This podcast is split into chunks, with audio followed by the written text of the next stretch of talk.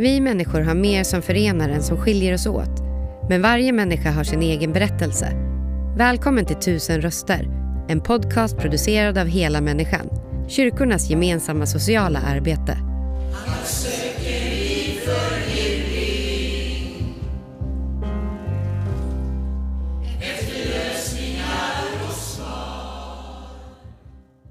Ja, då är vi hos Hela Människans verksamhet här i Karlstad och jag träffar Jimmy Levin som är 49 år. Han har sex barn med två olika mammor. Men du är skild sedan en tid. Mm. Hur är läget med dig? Det är ganska bra. Ganska bra. Hur ofta kommer du hit till Hela Människan? Ja, det är ju varje dag det är öppet. Varje dag. Vad är det bästa? Och även på då när det är öppet på under höst och vinter. Det är ju öppet på söndagar så då är, är man ju här med. Då är det här med också. Ja, men det är bra. Vad, vad är det som gör det här spel, stället så trevligt att komma till? Ja, man har ju råd att äta här och, och sånt. I och med att man är arbetslös och har mycket skulder så är det svårt att, att få ekonomin att gå ihop. Och sen kan man få sig några kläder om man behöver det med och sådana saker. Ja. Ja. Du bor ju i Molkom här, tre mil norrut. Ja. Hur ser din situation ut då? Du, du sa att du är arbetssökande just nu. Ja, är arbetssökande är jag på, just nu är jag ju på något som heter Jobbcenter genom, för jag har ekonomiskt bistånd och socialbidrag och har och, och letar jobb då. Men jag hade eh, bara för lite tag sedan hade jag en praktik på 11 och en halv månader på en eh, spisfabrik där jag monterade spisar med massa elektriska grejer som jag tyckte om. Ja, du trivdes bra där. Ja, men eh, det, det, det var så. Jag var lovad lönebidrag och allting och jag har dyslexi och andra neuropsykiatriska diagnoser som, med problem med minnet och, och sånt där. Och, så eh, de, de skulle få eh, bidrag för att ha mig där och jag och chefen trivdes bra ihop och, och de anställda och allting och det funkar. Men så var det som så att Arbetsförmedlingen vill, eh, ville inte ge dem tillräckligt med bidrag och då kunde de inte anställa mig där och då ja, det var lite, fick man en liten chock när man hade ställt upp på, i, i 11 och en halv månads tid och det var ju fem mil åka dit och fem mil åka hem och det var en himla bit från Molkom att ta sig dit. Verkligen. Där, eh, då skulle man ju vara där ja, klockan sju på morgonen så jag fick gå upp fem och tio på morgonen och ta mig dit. Så. Åka både buss och tåg så. Tufft alltså. Mm. Men, men hur länge har du varit arbetssökande nu? Det är ju det är ju till och från. Ibland så har man lite jobb och ibland inte och, och sådär. Och... Sen var man ju, är man ju den åldern att man eh, var med i 90-talskrisen. Och, eh, och det, så något fast jobb har ju aldrig mitt liv haft och sånt där. Utan det har varit praktiker och anställd, man har varit anställd med hjälp av olika bidrag och grejer. Ja. Och sådär.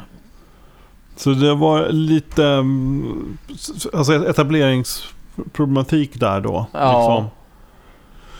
Men vad, vad gör det med en person? Jag tänker att man hamnar lite utanför rent ekonomiskt men också på andra sätt. Ja, det, det är ju deppigt att det är svårt att få jobb för det är, tre, det är 349 000 jag såg någonstans som är arbetslösa i Sverige. Och det är ju, man blir deppig och grejer. Och det, det, det, det är jobbigt att, att, att söka jobb med för det är väldigt eh, krävande att göra. Ja. Så det, det gör det. Och sen är det med coronan, det är, det är Putin, det är containerbristen i världen och det är, det är svårt för företag att anställa. Och, och sådär. Så de vet ju inte så många dagar framåt ens hur det blir för dem. Så. Nej. Men eh, just nu så går du något pro- program på Arbetsförmedlingen? Ja, går några dagar och börjar idag var första dagen då. Så ska jag ha- ha några timmar på måndagar och ha några timmar på tisdag och så torsdag några timmar. Så eh, ska vi samlas i eftermiddag en stund till då och gå igenom lite företag och man vi har varit på och vad som fanns ute på plastbanken och sånt där. Och, och de hade, och vi ska, kommer det lite företag och, och hälsa på i veckan där till oss. Och, Mm. och med lite att göra sådär.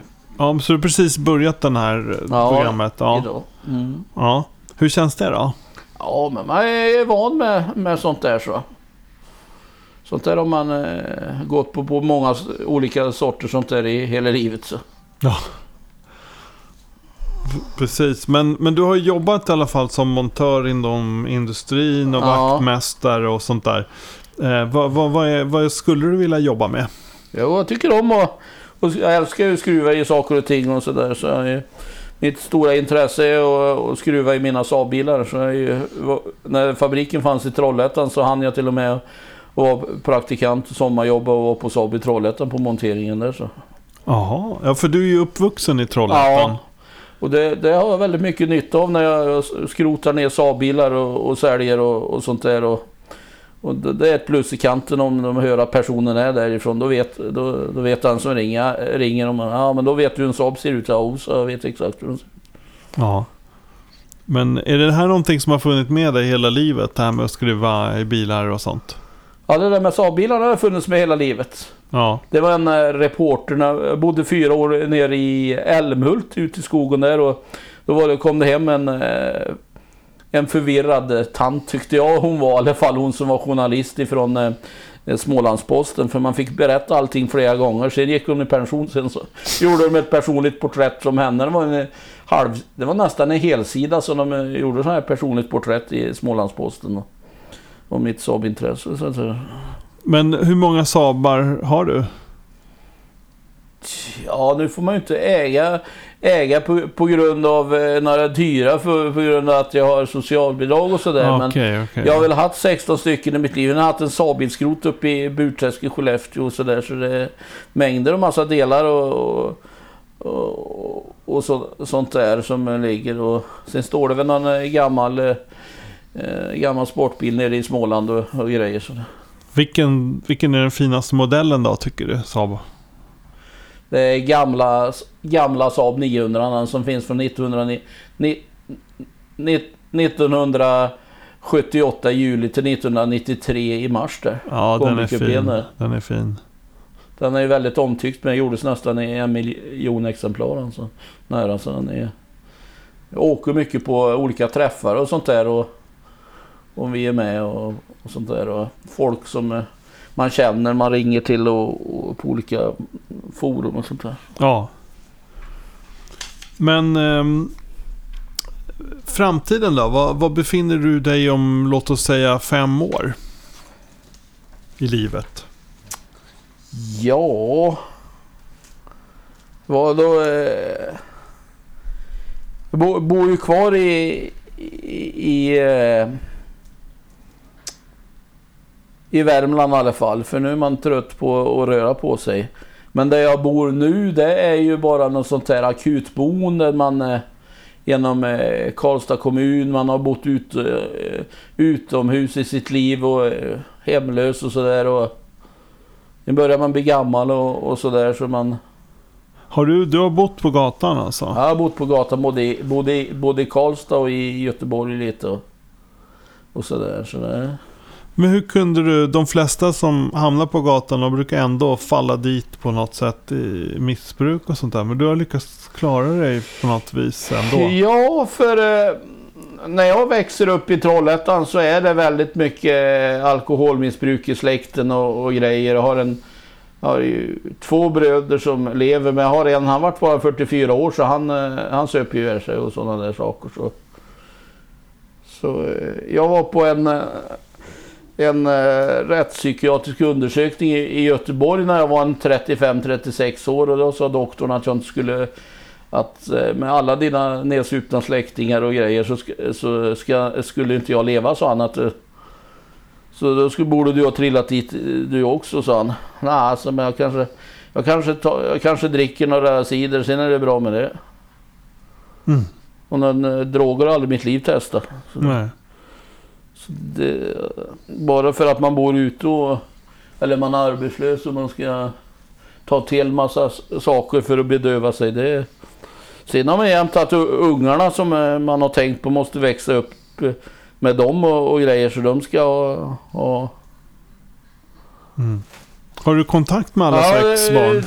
kontakt med alla barnen och det är ju som sagt det är ju sex stycken som jag har biologisk far till. Sen är det faktiskt en, en flicka till eh, i Filipstad som eh, min före detta fru hade och henne, eh, hon eh, flickan som är 20, fyller 22, hon anser ju eh, att jag är hennes pappa med. För hon har träffat sin riktiga pappa nu i, i vuxen ålder men han hade ingen tid för henne när hon var liten och sådär. Så. Nej. Så det, det är mycket att ringa och hälsa på och sådär är det. Ja. Äldste grabben han, eh, han eh, bodde förr i tiden i, i, i Skellefteå. För jag bodde ju 11 år i Skellefteå med en gång i tiden. Och... Eh, men han jobbade inom, fick ett jobb inom hemtjänsten i många års, några års tid. Och sen... Han hade inga betalningsanmärkningar men han fick fick ingen lägenhet i, i Skellefteå i den här byggkrisen där uppe på den här batterifabriker och allting. Och, så jag såg på TV nu i helgen så var det en tjej som hade varit i USA några år och hon fick ju flytta hem till föräldrarna med. Det där är ju akut eh, bostadsbrist där uppe. Jag vet ju själv, förr i tiden nu, de gav bort lägenheter. Man flyttade ju runt även om du hade skulder där uppe. Så jag bodde där uppe den sista tiden och renoverade hus och sålde ut i skogarna i Burträsk. Men äldste grabben, han har börjat på Umeå universitet och läser filosofi. Och Han, jag frågade han om han skulle mm. återkomma till Skellefteå i sitt liv. Då sa han att han vet inte, sa han, för att eh, när han fick eh, bo fyra år hemma hos mormor och morfar och, och var vuxen och eh, det var inte så kul, sa han. Och, så folk vågar inte. Så äldsta dottern, hon, hon är ju hon blir 26 i år, även om hon fyller sent på året. Där. Hon, hon skaffade sig en, en, lägenhet mitt i Linköping och Linköping har 175 000 invånare mot Skellefteås 80 000. Så det var lättare att fixa en lägenhet. Först hade hon en studentlägenhet och gick lite på universitetet men nu jobbar hon på Telia sedan fyra år tillbaka. Och, med eh, telefoni och grejer och mm, de eh, privata företagen hörde av sig till henne om, eh, om fakturer och, och det. Mm. Så hon är väl lättare att fixa lägenheter som hon sa. Ja. Alltså, hon, vet inte, hon kommer nog inte heller ens så för hon till och med, hon hade inga betalningsanmärkningar. Till och med de alltså, de mest... Hon, det är som jag sa, hon var ju trött. Hon sa att det, vissa ställen, då har till och med de fått en tankeställare med bostadsbristen är enorm i Sverige alltså. Ja, men det är verkligen det. det, det men eh, om, ja. eh, om du fick beskriva dig själv då, vem, vem är du? Lite jo. kort sådär. Ja, det var en svår fråga men en, är väl en vanlig Svensson. Mm. Ja, även. Vanlig Svensson. Mm. Ja. Hur var din uppväxt då? Barndomen och så. Ja, det var ju... Det var ju två eh, väldigt gamla... Mm, för jag är ju jag är sladdbarn så jag är yngst. Där. Så det var ju två... Eh, jag ju, farsan dog för några år sedan. Han dog i asbestcancer. Han var ju född 27 och morsan var född 34. Så de var ju väldigt gamla föräldrar och uh, de hade ett uh, väldigt koll på mig jag fick inte göra någonting. Och, och, och, och en uh, negativ syn och, och sen var de ju ganska neralkoholiserade många i släkten även de. Och, och sen hade jag svår dyslexi och sen hade jag Sen eh, när, när morsan var gravid och hade mig i magen så, så kan hon ha druckit för jag har problem med minnet och, och, och grejer. Jag har aldrig haft något bilkörkort och grejer och, och svårt för datorer och grejer. Så de, jag, eh, de tyckte ju inte att jag, jag var ju ingen intelligent och grejer och så jag vart väl mobbad av till och med av släkten och föräldrarna och så De kallar mig någon sån här 5-5 eller så. 5-5? Ja, du har aldrig hört talas om det? Nej.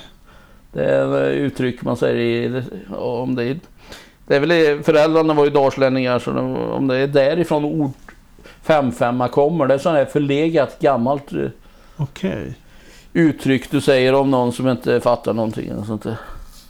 Ja, det var inget schysst. Nej, och man gick i hjälpklass och grejer. Men, men sen så var det en äh, lärare som äh, har varit mobbad i skolan och grejer. Och, han fixade, eh, vi hade en eh, sån här syokonsulent i skolan och sen eh, när jag fick prya på Saab i Trollhättan på monteringen så fick jag vara det halva tiden och gick jag gymnasiet halva tiden och jag hade sommarjobb och grejer. Och, och, och, och grannar som, som man åkte med dit och tog vara på mig där. Och, och Mm. sådana där saker. Ja, Det var väl det som var räddningen och, och sådär. ja. Så där var där du fick ditt intresse för att Ja. skruva på bilar och... Ja.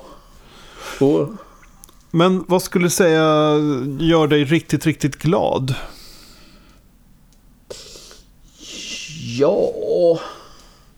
Det är väl svårt, svårt att säga.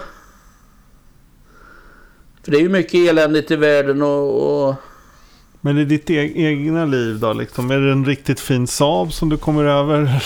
Någonting sånt? Eller?